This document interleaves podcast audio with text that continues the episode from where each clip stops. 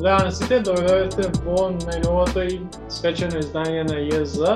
Моето име е Ѓорги, а ова се моите драги колеги од Правниот факултет во Скопје, конечно во живо, Донев, Кате и Тромбе. Како сме колеги, што има нова? Одлично. Како кога за прв пат сите собрани заедно вака со маски, мислам дека е добро. Лично супер. Мислам дека технички ова ни е првата епизода кај што сме сите заедно во живо. Да, и ова е ова е епизода и мислам причината зошто сме сега сите ужива бидејќи на денешен ден излезе првата епизода на на ЈЗ а пред цела една година. А, не знам колку, 60-70 епизоди веќе in the making, конечно во живо и сакавме да се соберем, да се собереме овде да поразговараме за изминатата година и што планираме за уиднина. И мислам добар почеток би бил донев ти да ни кажеш како уствари дојде името Јустинијан збори, сега ние си го викаме Језа. Језа, а, препрвичното име на Јустинијан збори некако дојде онака рандом во разговор како како да се вика подкаста и бидејќи како сите сме од правни факултет студијам први и како зошто не на студијам збори. Бидејќи чисто после мислам дека се изведе на филозофска причина зошто Јустинијан збори, затоа што мене како дел од академската заедница како барем моето чувство е дека нашите академици и генерално интелектуална елита не учествуваат доволно во дискурсот, па затоа тоа отвора као супер може за некои студенти да, да се произнесеме во однос на, као, на големите прашања и на дневно и на дневните прашања кои што не засегат и општо. Да, ЈЗ, беше интересно, баш у исто време се погоди формирањето на УСС, формирањето на различните комисии, УСС е едно од нив студентскиот медиум, кој што нели го кристивме авангарда, а и втората, мислам, уште поважна причина беше локдаунот, Да. или кога се сите бевме затворени дома и се сеќавам баш разговаравме ја и ти, го спомна Тромбе дека и он имал идеја и сакал да се приклучи вакво нешто. А, и така, тројцата седнавме и правевме муавет за Берни Сандерс и Америка. Тоа беше, тоа беше надежно време кога мислевме дека короната ќе се стрпеме доволно за да во изолација за некако да да издржиме и дека Берни ќе беше председател, но идеја зле идеја. Да, ја, ја овде би ја прашал Кате, пошто Кате ти ни се приклучи која септември, октомври некаде. Така, А, еве, кој бе кој беше твојата прва реакција? Пошто се знаеме сите дека доста време од кога сме почнале на факултет реално, сите сме дел од а, студентската организација на правен. А, која ти беше нека твојата прва реакција кога ние ја еве извадивме првата епизода? Што траеше by the way саат и 46 минути. Да бидам искрена, доста покасно ја слушав. да не те лажемо. А, да, отприлика. Чекаше да, да, да ни бият гостинка за да не слушам. Најискрено да. А, па, устари ми стана многу драга јаза кога дојдовме со Ната да разбориме за феминизмот во Македонија, за ССО и за слични теми. Затоа што некако ми се споја сите работи што ја сакам по активизмот за сексуални репродуктивни здравје и права, по, по феминистичкиот активизам, со по студентскиот живот, студентскиот активизам. И така ми дојде една убава комбинација на сите. И затоа решив да вистински почнам да ги слушам биозони, да ви викам супер студентски и да слушам. Пошто мислам до тогаш ти имаме нели ние некој наш интерен чат, ја ќе ставам епизодата у чатот и сите се као или ќе ќе реагираат на пораката или ќе ме остават на син. А, ама лајкови имаш на, на Инстаграм по Фейсбук, ама редко, мислам, не знаеш кој уствари те слуша. Мислам дека еден од начините како па барам ова измината година, не знам, луѓе не слушале, тоа што ги викаме на подкаст и друго тоа почна да ни почнува да ни бидат слушатели на, на самиот подкаст. Ама да интересно, а, Тромбе, ја тебе ќе те прашам, која ти беше твоја некоја прва замисла која започна целиот овој проект? И дали мислиш дека и гледаме една година наназад, како сме, како самиот почеток до еве денеска, крај на март, почеток на април, кај сме стигнале до се. Така, значи мојата прва прва замисла со ова беше прилично слично со како и испадна. Значи јас прво ја замислував како тројца колеги од факултет кои што многу сакат америчка политика и политика in general и си седнува тројцата и си зборат на некои теми кои што ни се интерес Барни. И ќе викнат гости кои што ќе зборат на такви теми. Мислам дека прилично ја задоволивме мојата замисла првична што ја имав, ама од тогаш до сега сме прилично сменети. Како и во контент, значи немаме само за политика, имам за најразлични работи, што е многу добро.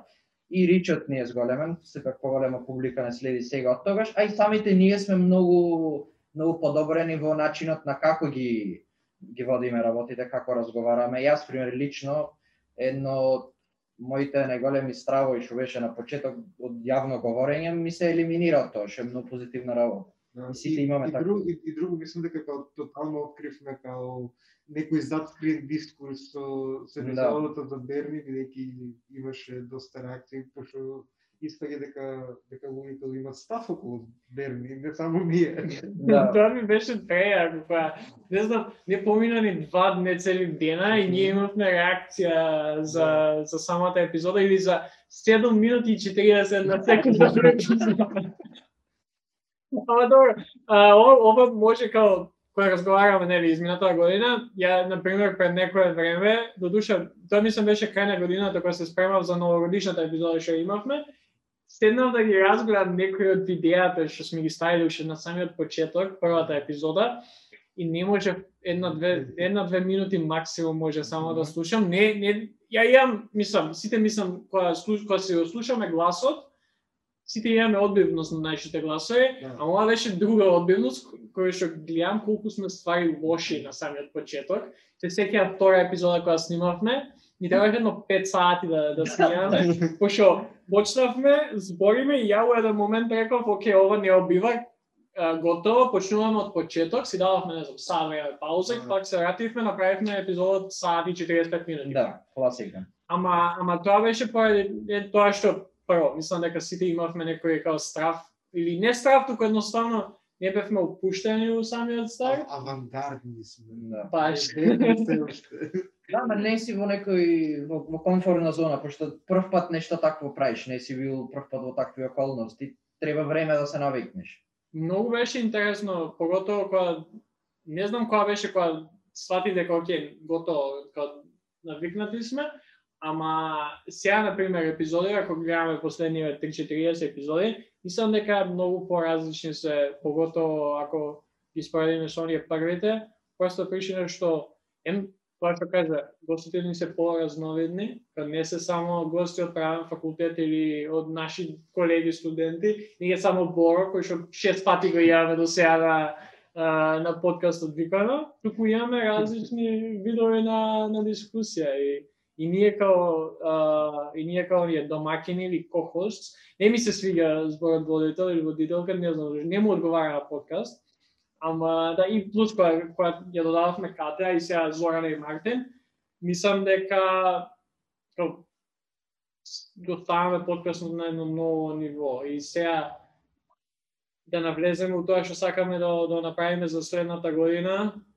да прераснеме она Јустинијан што ни е, што ни е у името, што ни беше у името и да станеме нешто поеќе од тоа. Како вие на пример го гледате ЈЗ going forward?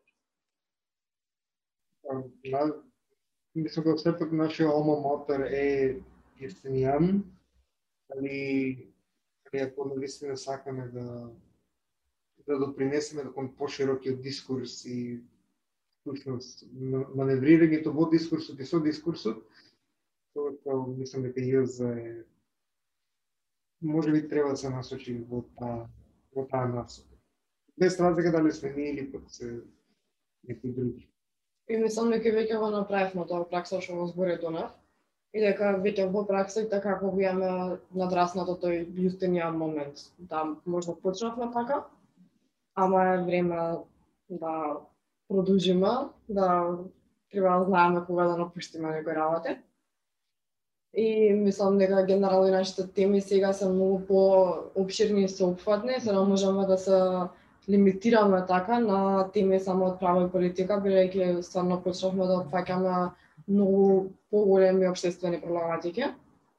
И, и, и на ретроспект добро е оно што има во биото на на Инстаграм право политика и се Сега сме поише тоа се Да. Јаза треба, треба да биде, значи во иднина треба да стремиме и веќе почнавме да јаза да биде по инклузивно како и и содржината која ја презентираме пред јавноста, како и допирот кон самата јавност да биде поинклузивен. Исто така би било интересно да се види и да не биде само коментирање, туку и да се фокусираме и на информирање на јавност. Значи сепак е поразличен поразличен контент и е потребен. Да, едно, едно, мислам, многу планови имаме де, дефинитивно доста идеи, некојаш има поеки идеи колку што можеме да направиме.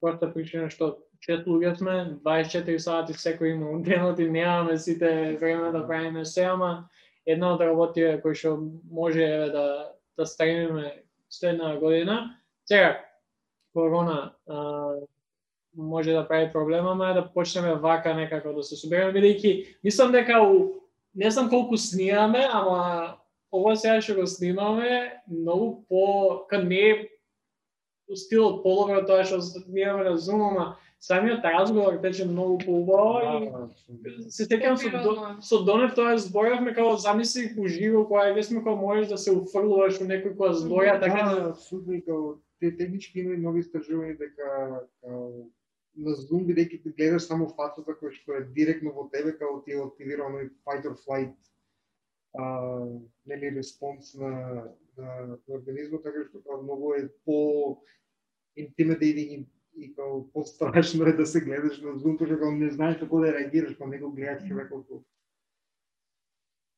Се дехуманизира самата дискусија, затоа што се дехуманизираме ние. Да. Да, и Да, не сме не, не сме научени на, на таков начин на разговор и комуницирање со луѓе. Мислам цел живот сме научени на вака, да си Да. разговараме во какви да било околности и наеднаш сме дојдени во позиција да мораме преку компјутер на Zoom да разговараме за какви да било теми. Да, и замисли некој ако има послаб интернет или нема уклучена Точно. камера и не, не, не можеш да да го видиш што прави, поготово сега ако некој не гледа на пример ова, ова го гледа, не, не само го слуша, може да види сите како реагира. Слуше, Посебно по- потом ако изгубиш снимката, како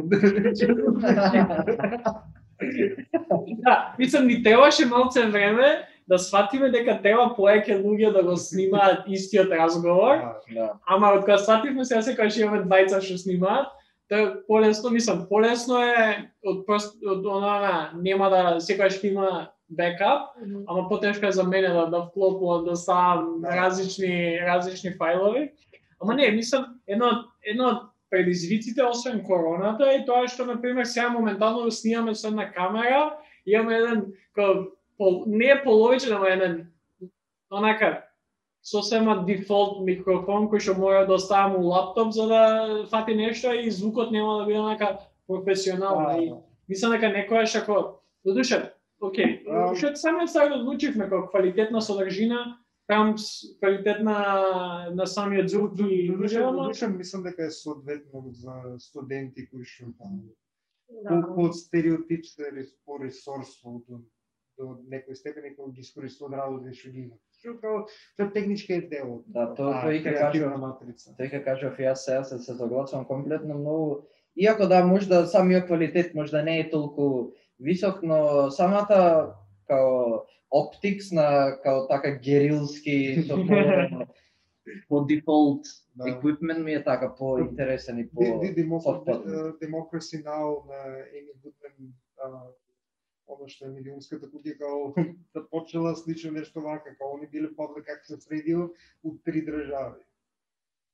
Мислам, не, тоа го зборам ја од секојаш, као има потенцијал ова што правиме, ама немаме време. За, мислам и поте, ова сега се шалев му ше на сега да не беше короната и Да. зумот, и никогаш немаше да снимаме 70 на епизоди.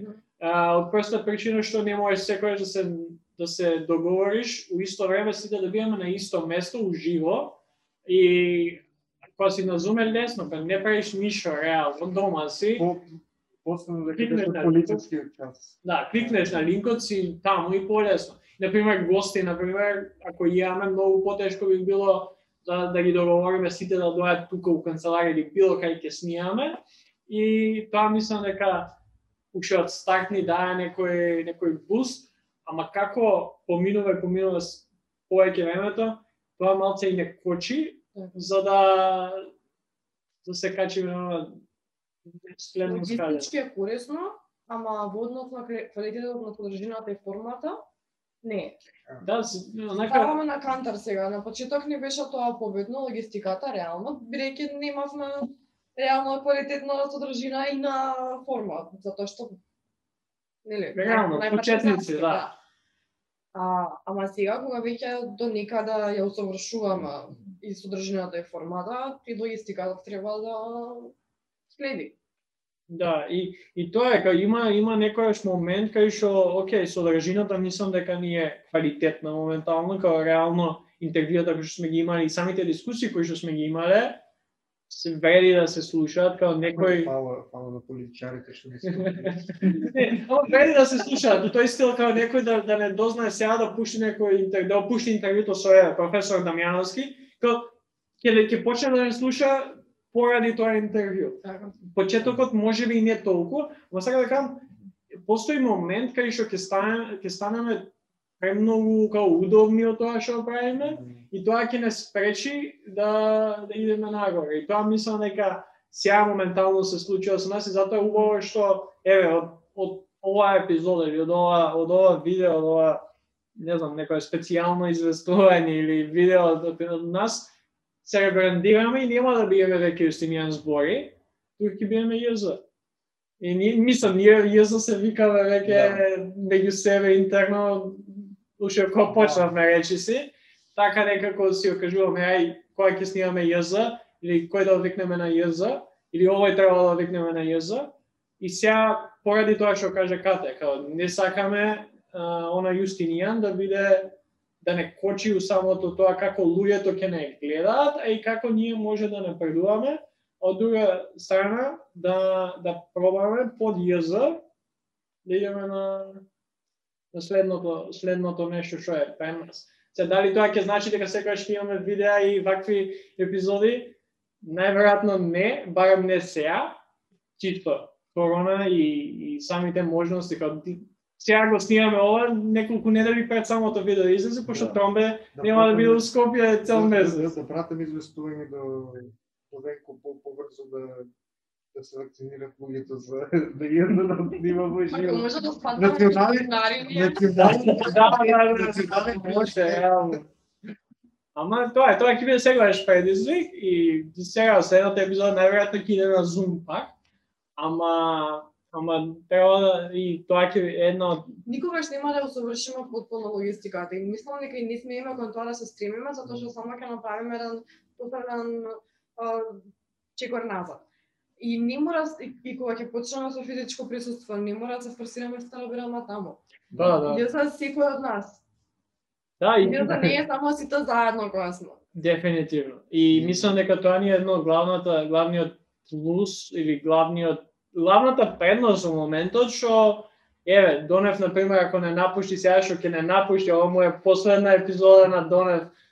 Спойлер спойлер алерт ама последна епизода на Донев му е како еден од ко-хостите. Не дека не не сака веќе Донев иако и тоа е можно туку едноставно се формира усуса јас сум навреден. Јас Се усеќам кога да правиме муабет со деца околу развод. Не е тоа важно наса. А, уште се сакаме многу. да, не Ама мораме да поентата- редефинираме нашата врска. поентата, поентата ми беше No, може ли тоа, ама не и се. Као сакам да кажам дека еве Донев не напушта, сега ќе остане Донев секојаш дел од јаза и ќе бие у позади сцените. така. Дел од нашата нека како сега ќе ќе бидам тука како нема да бидам на камера, освен можеби како како гостин затоа што као Што сам се храним. Уште не напушти сам се кај Да, да. Не, јас знам која ќе дојде Донев која ќе ми се приклучи па да вие која ќе имаме одредени гости која ќе ги и знае Донев на кои гости мислам. Ама не, што сакам да кажем, што ми беше поентата со ова? Поентата е и Донев да не напуши Тромбе, кате ја сега да, да, да ми, као едноставно немам време да работам. Донев, председател или ќе стане дел од комисијата за наука на УСС и ќе прават студентски конференции и милион други работи. Едноставно, два- сите имаме 24 сати у денот. На, на, надежно, надежно ако до моментот на објавување на епизодата слушат се конституира УСС, надевам се, надевам Па се, затоа викам, од оваа епизода иде, што Да. ти даваме цел месец. ако, ако пропаде се, враќаме се. Имаше снимки. Ама да, као предноста ни е тоа. Имаме луѓе кои што као интервјуа снимаме, еве, пред некој ден снимавме интервју само ја и Мартин или ја и Ката или Томбе и Донев вие кој снимавте со Јанаки за марихуаната. Као И со, и со, со да психологот Да. од Орце мислам. Да. Ама бе, тоа ни е преносо, што не секој мора. Се убаво е сите кога сме заедно многу поинтересно е нормално, ама треба да наставуваме Ама да. секогаш е добро да дојде на вакво нешто флексибилност што ја имаме. Да, и поготово кога иде стана збор со гости, Да. едноставно не можеш сите да биеме веќе. Ви, Мислам дека нешто што треба да коментираме е фактот што као разговорите после снимањата кои што за жал не ги снимаме бидејќи или се премногу интерни или се премногу контроверзни. Па ова мислам дека едно вакво не за буквално ова се што го. Димас, кариерата политичка му заврши пред да почне. Ова, оке, сега снимаме и, и у глава размислам ова, не знам кој би сакал да го гледа, ама мислам дека е доста добро. Па не знам за вас. Ние ќе си го гледаме. Некој, некој, некој некогаш некаде ќе ни го изваде, као што и да бидеме во, во животот, као а, може би црни кампањи, но мислам дека као. Но мислам дека као имаме до, до, доста доста оправдување бидејќи Принципно. Да. Ти кога беше Да, ќе изглед? извадат нешто, е млади Има бевме. има уште многу кратко да се вади на тоа. Бе. Не, како и Има магистерска. Градски Да, материјали. затоа сум сега некој нека изведа, може да се дори сум студент. Дали а, видео ќе биде one take? Па мислам дека идеме кон тоа да идеме one take. Пошто реално Оке, го почнавме видеото со идеја да трае 10 до 15 минути да биде онака а, кој што, знаеш, ексклузивно специјално видео, Да. затоа у старт не знаев како да најавам, ама секој што снимаме, мислам дека ова е епизода на подкаст Да. кој што кој што едноставно идеме сега до која завршиме да Е, разговараме. па ќе се вратам за минут. 20 minutes later. Кате ни се врати, кате зошто? А, да наздравиме за смртта на Језа, да на Јустинијан зборе и за почетокот на Језа. За разворот со Донев. А, фе- а farewell to Dover. Па ајде тоа е да наздравам, ја не пијам, ама еве ќе наздравам за за Донев и јас. Yes.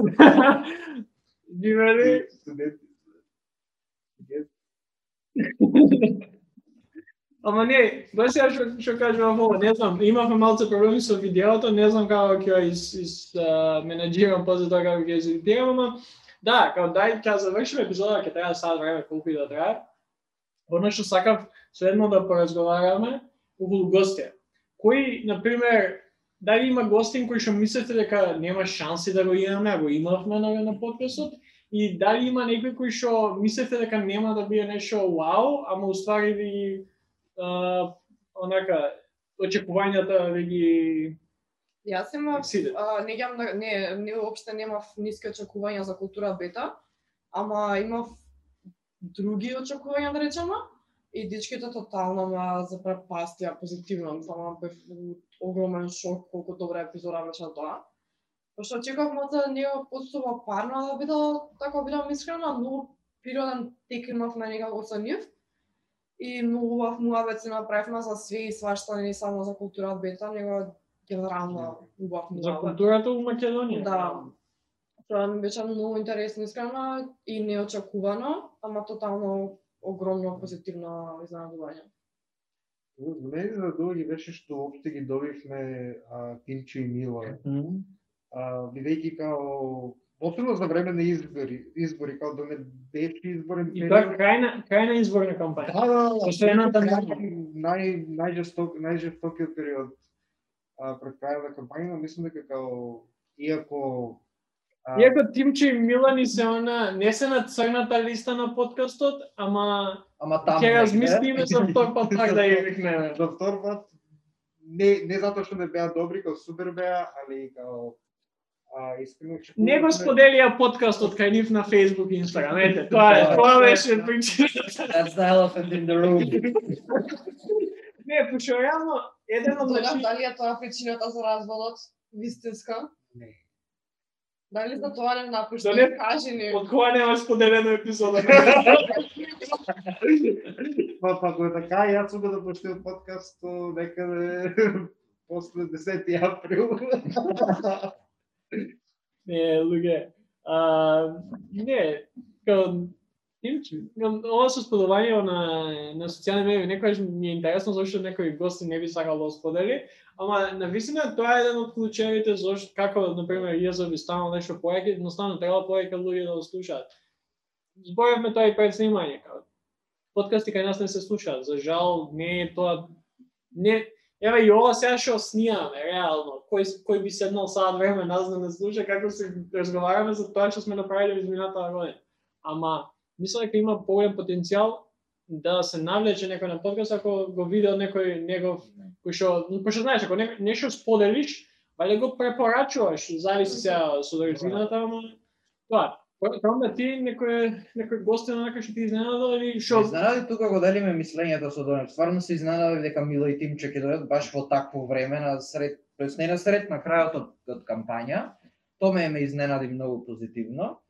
И баш ми е мило за тоа интервју пошто мислам дека поведовме на поинаков начин интервјуирање со политичари кои што се во кампања. Не разговаравме за некои драми кои се случваат Да. кои сада да изслушам, не знам, Луи Витон, Чанти или какви да не глупости што немаат апсолутно никаква врска со реалната ситуација на граѓаните, туку зборавме за стварно за некои проблеми кои што ние барем сметавме Да. дека се од круцијално значење се многу битни. Ја- Општеството да го- политичари. Ја јас се упрести тоа по policy talk over political talk.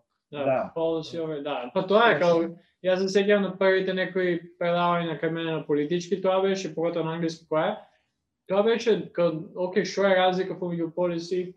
И тука мислам дека се крие зошто јас уопште го правиме. Не сакаме да збориме за дневна политика, иако некојаш не знам, ќе се нашалиме зошто немаме вакцини или што се случува, не знам, у Штип или било каде. Ама Флорен на Балкан. You heard it here first. А, ма не, ка, некојаш секако мора да разговараш да се нашалиш, пошто реално ако не се нашалиме ги треба да плачеме. Ама тоа и затоа сакаме да разговараме, не знам, затоа го имавме Јана, Јанаки да, да збориме со него за марихуана, Да. не Заев или некој од СДС, со нив да збориме за марихуана. Или, не знам, има милион такви а, Да си работи. користат нивни talking points и така натаму. Да Па да. со Јанаки беше многу поприродно. И многу поинформативно и покорисно. Јенаки беше машина. Јанаки беше најакиот. Да, мене, мене, онака кога ги гледам, мене ми се, не знам, може рисен си бајас малце, ама дефинитивно последниве неколку недели, некаде, од кога ги додававме Зорана и Мартин, кога ги имавме и Оке, политички, од политички кај мене, на вистина интересни работи за Оке, бајаци ја се чула, Да, ама, ти- ама дали беше со Влора или со со професорот Дамјановски или со Викторија кој со кај што за избор и изборни системи.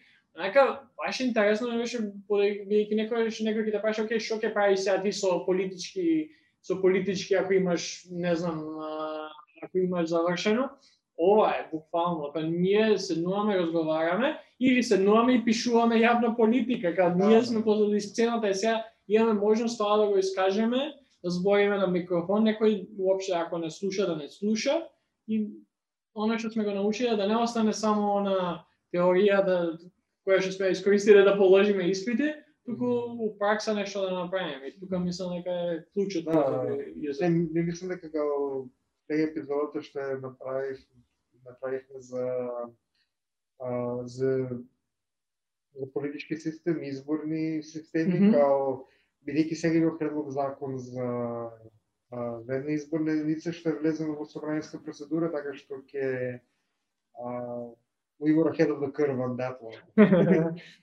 Окей, кај нас се збори за, за политички системи Да. на секој неколку месеци. Да, да, но као actual предлог закон сега се доставувача, као има си своји фаминки, може би треба да да викаме доста. Чекај се, ти не ли си идеш од подкаст? Не, пај, окей, ова е убав вовет. Обичам патриархален алфа мажјак. Го напушти семејството и уште мисли дека Да. да одлучува. Политички тенденциозен сексист.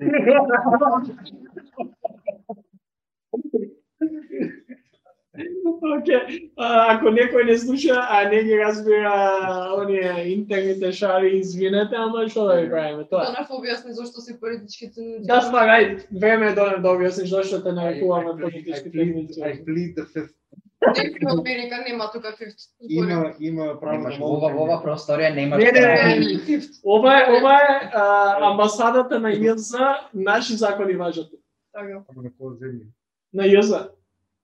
Нема, нем, Нема немаш федерални ништо. права, немаш. Немаш презумција на невиност. Има презумција на виновност. Не, при презумција на невиност се исконит с норма на меѓународно право, така што као... Океј, не Ништо, следно прашање. Следно прашање, кога сме за кога збориме за гости и теми. Кој сакате да го видите на ЈЗ? Ево, што е така Хм. Кайл Колински. Амбициозно. Ате? Е, Онака сега на спот ве ставам, али... Таа е тедна спот. но плача. Пато Димитров. Да, веќе колку, неколку месеци збориме. Ај, ај, сега ти, ти као слушател, као почесен член на ЈЗ, кој би сакал, со кој би сакал епизода да слуша? Ја мислам дека сам да слушам епизодата со професор доктор Љубовир да не го срачува се.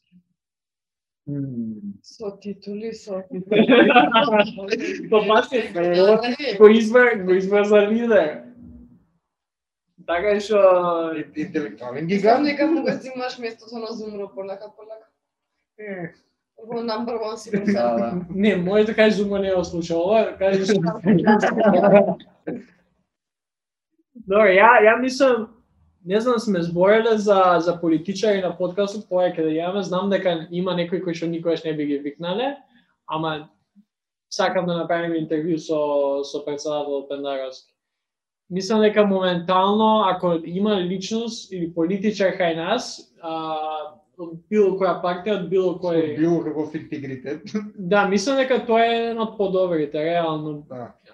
Може би нема толку голема као реално полити а, председател на државата не е нешто вау, кај церемонијална функција повеќе, ама начинот на кој што тој ја користи во моментов, мислам дека е дефинитивно да пофали и баш би сакал да си направиме разговор со него. Нешто слично на начин на кој што разговаравме со Мила и Тимчо, Да, се нема мислам нема да дека пришуваме за програма, но специфично затоа што и Пендаровски од Истинијан први има завршено дефинитивно. таа таа конекција на некоја колегијалност мислам дека како ќе придонесе за добар за добар.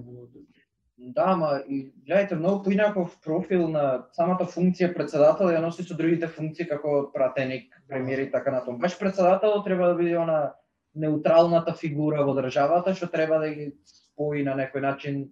Двете Да, сите граѓани. страни, да. Са дали стварното се дешава во реалност или не е друга приказна. Ама пак председател е како добра личност да се викне да се разговара на некој прашање. Мислам, ја не знам, ќе ќе пробаме валјда снима уште ова. Ама ќе ќе видиме како би било и дефинитивно интересно нешто да се направи со него. Има и други кои што би би биле интересни онака за викање, ама Пендаровски е еден од онак еден од моите први пикови, ако, ако можем ваком да бирам кој сакам, освен нели оние Жижек, Чомски, Кулински и останатија.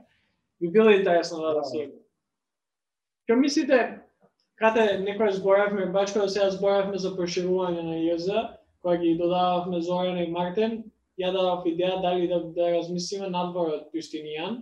А, нели сега веќе и официјално идеме надвор од Јустинијан, нема да биде само луѓе од Јустинијан. А, Жал. Што мислите, не, прашањето ми беше дали има можност некој друг факултет да земе пример од, од нас, нема да биде Јустинијан збори, може да биде нешто, не знам, на филозофски на филолошки или на на некој друг факултет, нешто слично да направи као, као ние што направим. Дали мисли дека тако нешто може да се деси или А, мислам дека може, ако си има малце поиша мотивација и доверба во а, институциите, да ги кажам, и организациите како авангарда. А, затоа што сега мислат дека немаат а, платформа, а, затоа што да бидеме реални студентите кај нас се доста скептични во однос на се што е ново.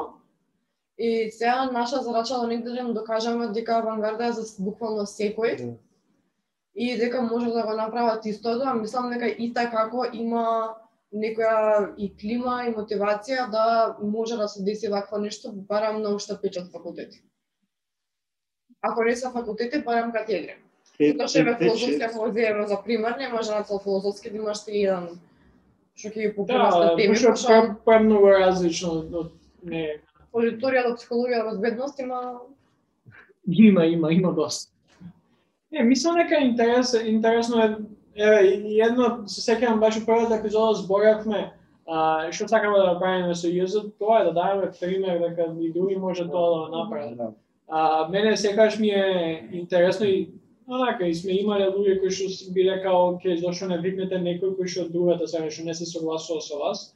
Сме викале, ама реално тоа не ни беше целта од самиот сак. Да. Не сакаме да му даваме платформа на некој на, ш- на Да. кој што не се согласуваме со него, туку напротив да ги инспирираме сами да си креираат Така. своја платформа. Да, Точно. Секако, сме имале луѓе кои што биле на подкастот, а не сме се согласувале до сега. Еве јас ќе кажам нешто околу тоа.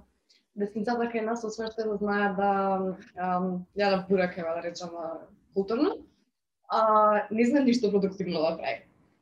Мислам дека единствениот мотив на надесницата му е triggering the lips. Мгм. Ништо друго. Таму е корена на цел мотив за нивно делување. Не, они се, значи они се раѓаат тригернати. Значи се раѓаат тригернати, скачаат од, од, од, една жена и викаат што прави оваа за феминистките? Не, тоа е интересно и како, еве, ќе земам Бојан за пример. Не, ми- не, не верам го слушам. А, ќе- Ко, го напиша, ја напиша она статија против нас, која што беше онака за никаде, кога немаше некој главен аргумент. Не изгледа на се. Немаше митничка вредност. Ама, одма после тоа ја му пишат као дај направи нешто, пошто нели главното беше као зошто на пример авангарда како студентски медиум или УСС поддржува и, и а, шири комунизам, комунизам, источен комунизам или нешто како го река. И е буквално ја му пиша, викам дај направи нешто, дали тоа ќе статија, дали подкаст, дали видео, прати ни го ќе ќе се стаи на авангарда.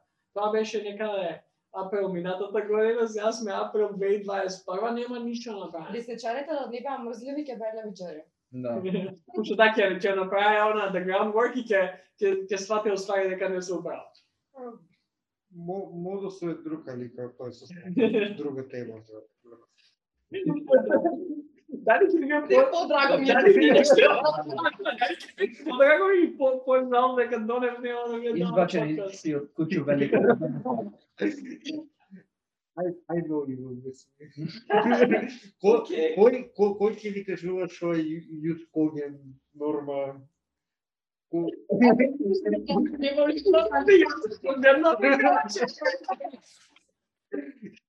Когент нема нема да ни донеси леп дома. филозофската основа на, на сите ваши ставови.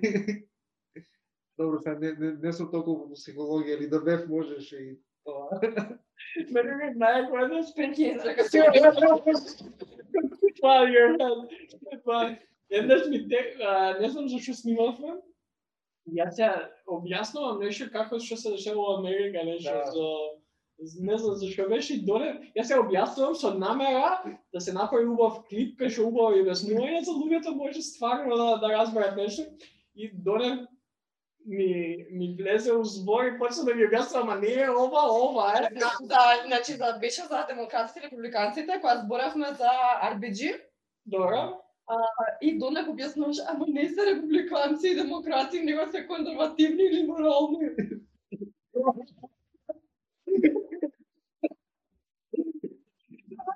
Буквално. Значи, луѓе, од, од, од празни стои што доказва тоа е... Ами јас, јас, Јас се ги плачам, тоа тоа ми е... Не, Добро, тоа кажува дека Донек ќе во животот, а ја дима. ние ќе се Јас, останеме јас и кате да ќе флипаме бургери. Не, не. следната епизода на ИС, кате и на кате и ме припадна. Ќе правиме пита бурек. Не бурек, Нема место, нема средно. Луѓе не почнувајте со Има- има- има повеците. доста Ќе ме компромис, да. нападнат босанци. Не, добро, таму ги подржавам. Да, да, не, принципијално, принципијално, Бурек е, да, историски со месо, но мора да има прогрес. Мора да има прогрес. да, па, ама- иновација. Ама, ама тоа под предпоставка дека концептот на бурек е а, Ајде. е е е е е инструмент има еволутивен процес. Значи, како може да се важен културолошки елемент да нема. Добро, има а, има има некои работи кои што се кои што се толкуваат рестриктивно, а други се поопширно се толкуваат. така. Пример Европската конвенција за човекови права.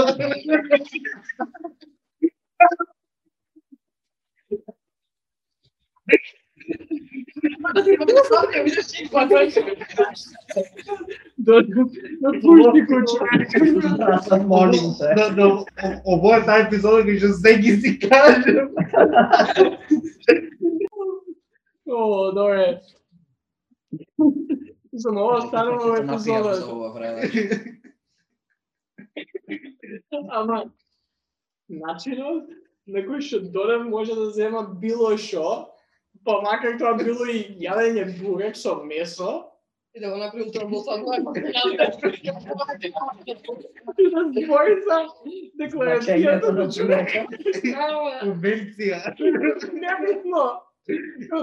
Уште треба- требаше само уште Елена Розвел да ја спомнеш како го напишувала. Ама, ама не тоа тоа- дека Не, не, не, не, ама тоа е универзалното, јас зборам за европска декларација, што е регионален. Има разлика, Джоле, значи треба да се направи. е. Сериозно. Едното е универзален модел, другиот е регионален модел на Да слушаш, процесите на поправо.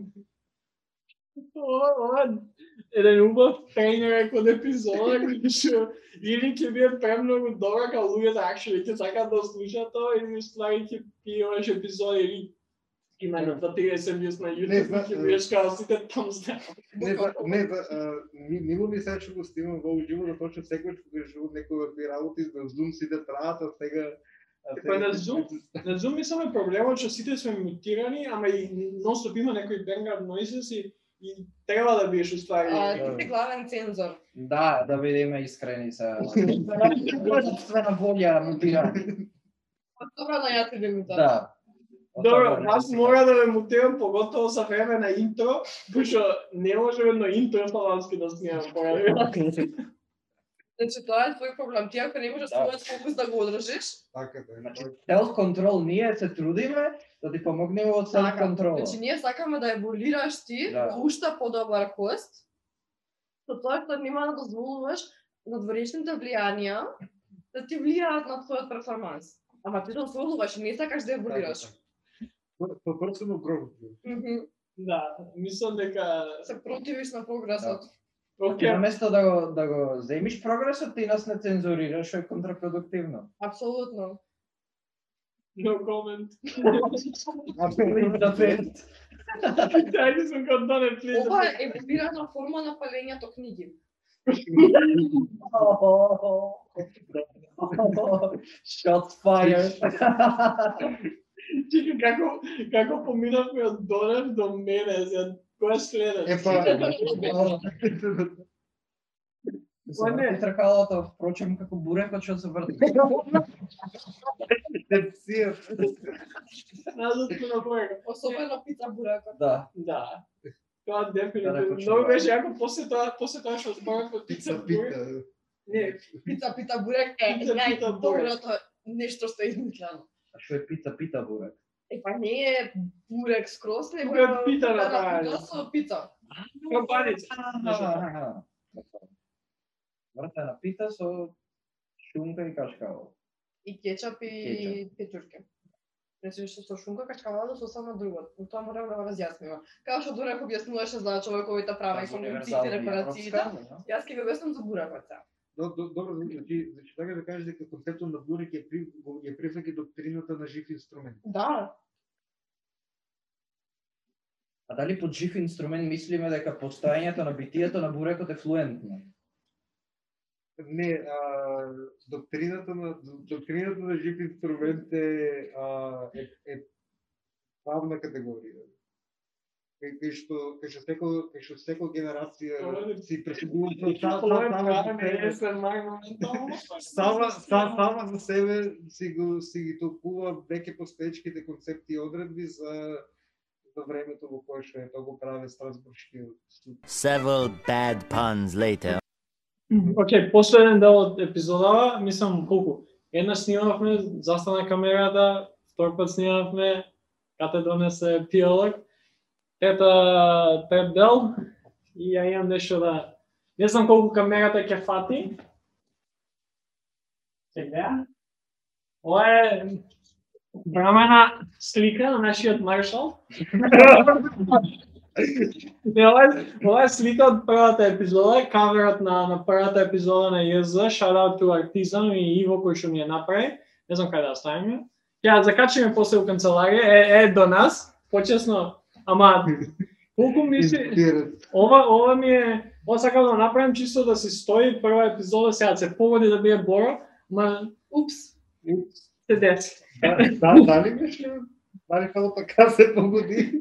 Па не, гледа, мислам дека е он еден од оние кои што највеќе ни помогна чисто онака кога немаме гости, него ќе обикнеме или самите гости као Мила да не бе, Мила немаше да дојде без Боро да да се уклучеше у целата она организација да, го, да ја донесе, ма колку мислите дека е важно такви некои луѓе а, е, до сегашно до сегашното работење на ЈЗ и Но и затоа мислам дека тимот на јазда не е само ние, туку е, тоа ми тикнува на честитката за нова година што и на епизодата за нова година што направивме.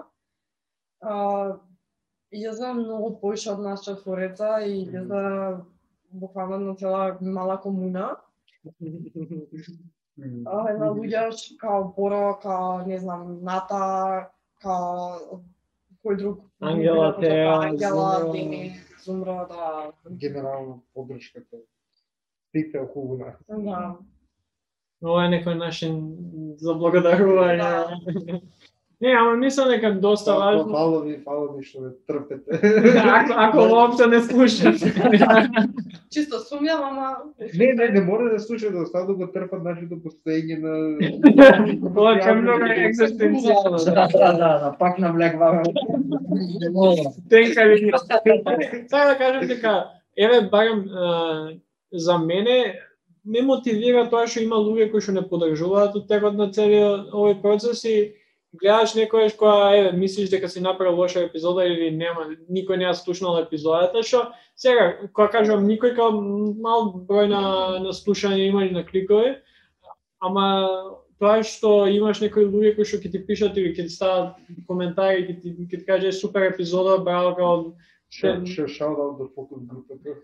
Да, и фокус група. Ама тоа е доста важно, мислам дека тоа е една од причините зашто издржавме толку се токму тие луѓе кои што стоја позади нас, некои целосно позади сцена, некои никогаш не биле на подкастот, ама не подржувале од самиот на од самиот старт, а, мислам, Боре уште шест пати колку, шест пати плюс уште неколку пати на не нашиот знам. инфлуенсер.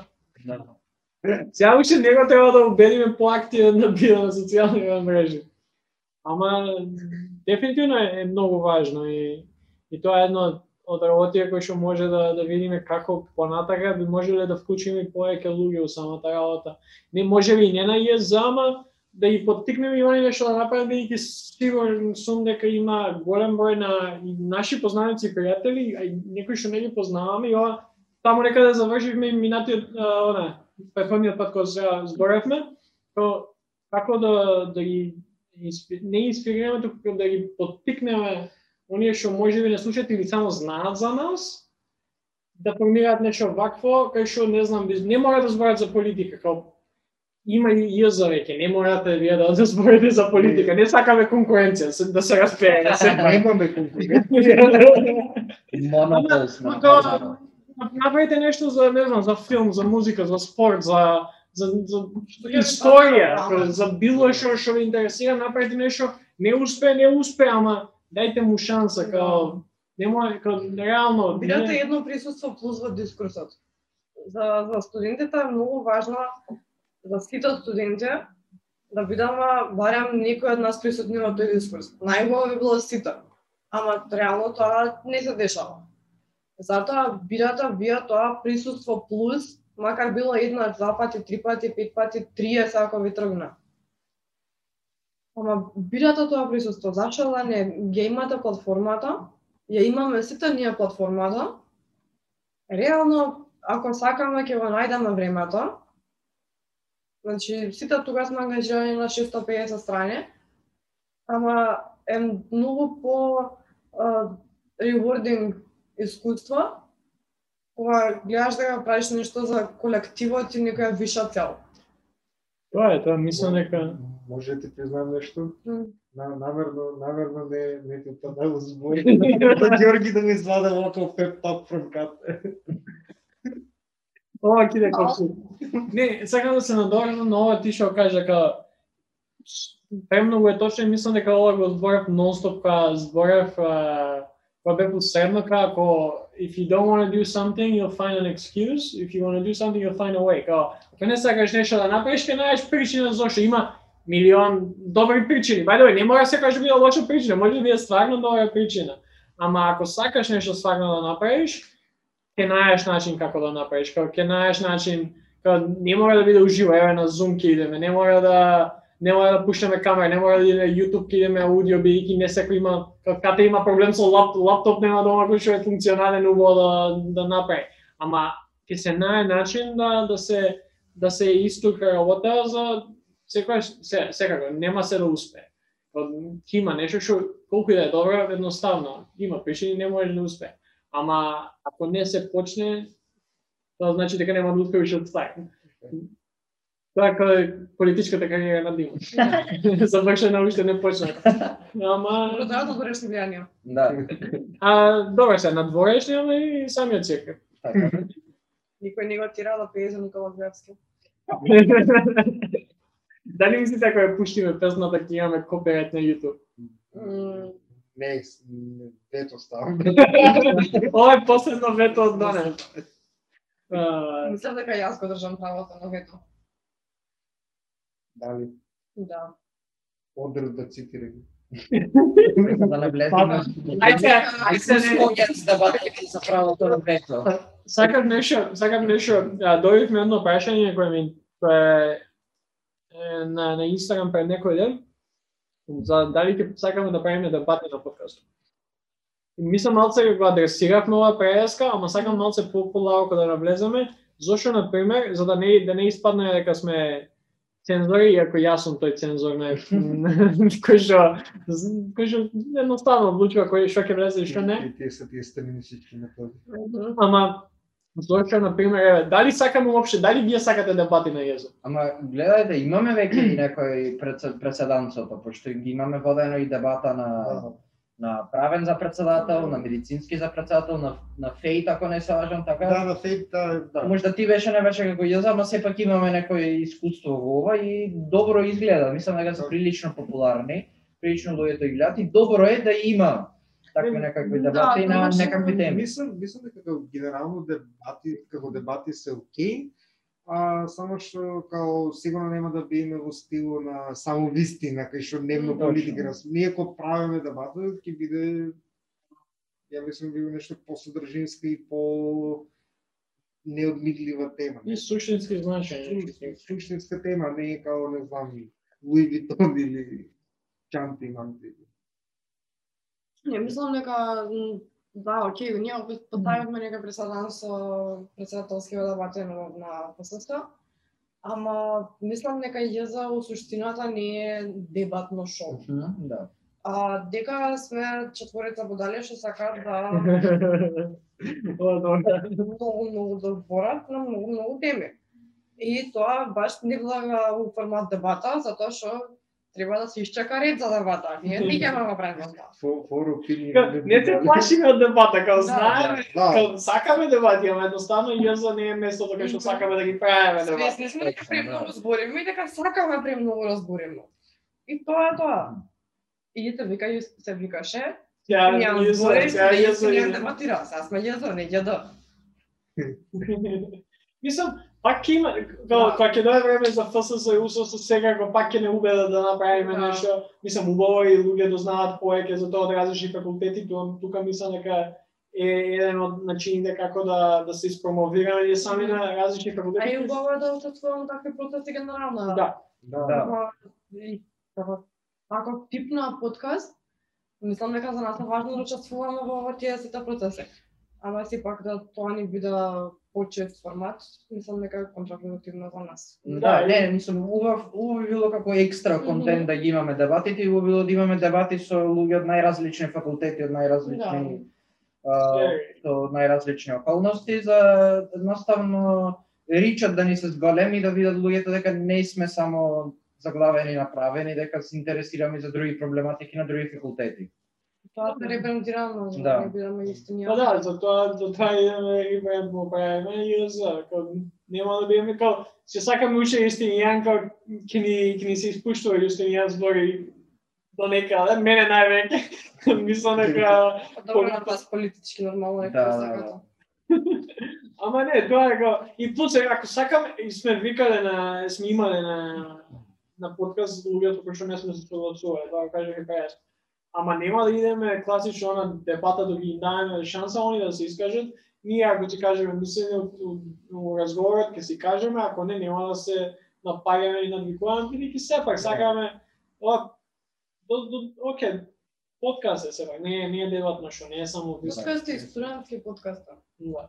Тоа е многу важно да го задржиме тоа. Тоа е, мислам дека она што најмногу не дефинира дека сме студенти, дека не не сакаме да упаѓаме се у тие некои као лупови на да глумиме не знам колку професионални и Објективни, Да. неутрални. Тоа беше идејата да? Тоа беше идејата со лайв стримовите, како да направиме една пародија на на оние професионални Да, да. гледање и коментирање на изборни резултати кај што мислам ако ако сте гледали, оке, првиот лайв стрим ни беше малце. Знаеш што ми, знаеш што ми текна на Оној од CNN што викаше дека, дека Еми Клобашар ќе победе околу северот на А, Ајва, да, што граничи со Со Минесота. Буквално, да. Каква валидна скрита тоа? Мислам, има вајда рекла, ама не е Да. главна причина зашто она ми победила. Ама тоа сакам да кажам као ние имавме лайв стримови за наши избори за амер- амер- амерички избори. Просто причина сакавме да се нашалиме на, на сметка на оние официјални презентери или комен, онака, Коментатори. на Независни експерти. независни експерти кои ќе коментираат изборни резултати, а врска немаше збор. Реално. А, баш поради тоа имавме такви некои, имаме, ќе имаме се уште, мислам дека ќе имаме вака, поготово сега уживо, ако почнеме за избори, локални избори, може вака да ги следиме, као, што се дешава. Ако не падне система. Пак. Донев се јава во Флорида. Не, тоа би било интересно, пошто ја, ја, например, ја може да идам у ново село, ти ќе идеш у Штип, а, Томбе од Битола ќе се јави, кате со Зоран и Мартин ќе биде у, у студио. Не, ми, ми мислам дека мислам дека најлегендарните избори за Штипјани беа овие преходните што Некој што никој не излезе. а кај што ВМРО ги бойкотираше, ама го имавме можевме да го имавме нашиот Барак Обама. Чека, дали ти гласаше? А, не, бев во Скопје. Не. Уште еден минус А, е. бойкотирач. Уште еден минус. Уште една политичка кариера. Донев да опати ова камерата, Донев не гласаше на изборите. Уште.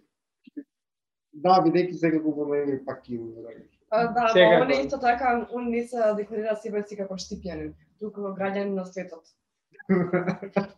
та та та та либерален wet dream кој што јас го живеам. Океј, ајде да превршиме сега ова, ние можеме уште 3 сати да збориме секако. А, како да завршиме? Дај, не знам, имате нека идеја како нешто интересно или Па не. Не, може би нешто во на- сме од Не, интересни после, идеи. океј, последни зборови од Донев за нас и од нас за Донев. Ја, ја ќе почнам, Фе- фе- Farewell to Don. ја, ја ќе почнам, мене ќе ми фали тоа што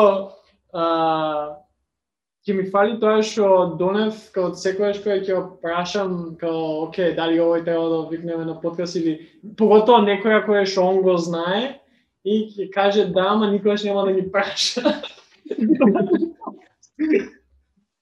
Сега она ќе ми фали а, Донев из неговите образложенија и правнички објаснувања на станите, ама дефинитивно ќе ми фали неговата прокрастинација или како и да на македонски. Мо, моето влечење за, за работа што треба да има. Другите? Мене дефинитивно ќе ми фали енергијата што ја зрачи Донев во неговите 10 минутни објаснувања за некои теми кои што го интересираат само него и што тројца од Мичиген. Grand Rapids, Michigan. Ќе ми фали неговиот буква, буквален латентен сексизам. Особено, особено од епизодата за Јанаков. Кај што прв пат усетив нешто насилно кон Дора. Сакам, ама тогаш сакам да ти стапам.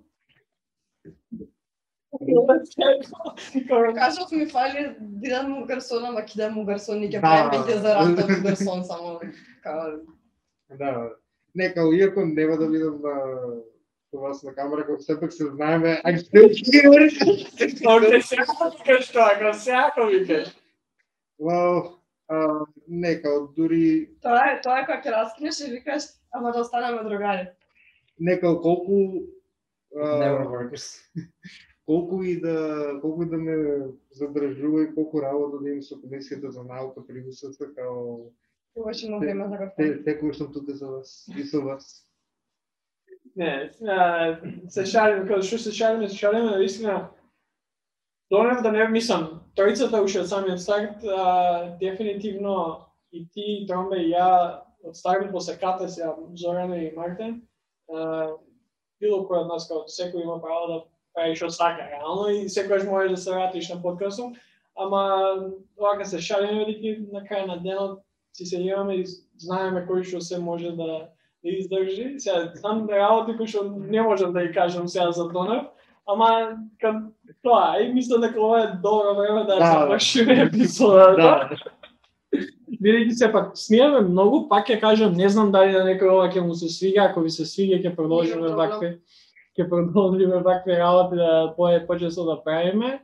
А, и не знам, седете дома, не ќе кажав не идете во кладилница, ама ја бев во кладилница пред, пред некој ден. И А, Следна епизода интервенција со Джона. тоа е. Доне сакаш да одиш ти епизода? Како? Готово, сечи. Стеите дома, додека не стигнат вакцините, шприцови и така дали. А, и почитувате Европската конвенција за човекови права. Ма ни да голова декларација. Само Европската конвенција. Well, well, технички не, а, нема нема суд кој ќе би ти пресудил за прекршок Пак, пак во на Готово, сечи, кај.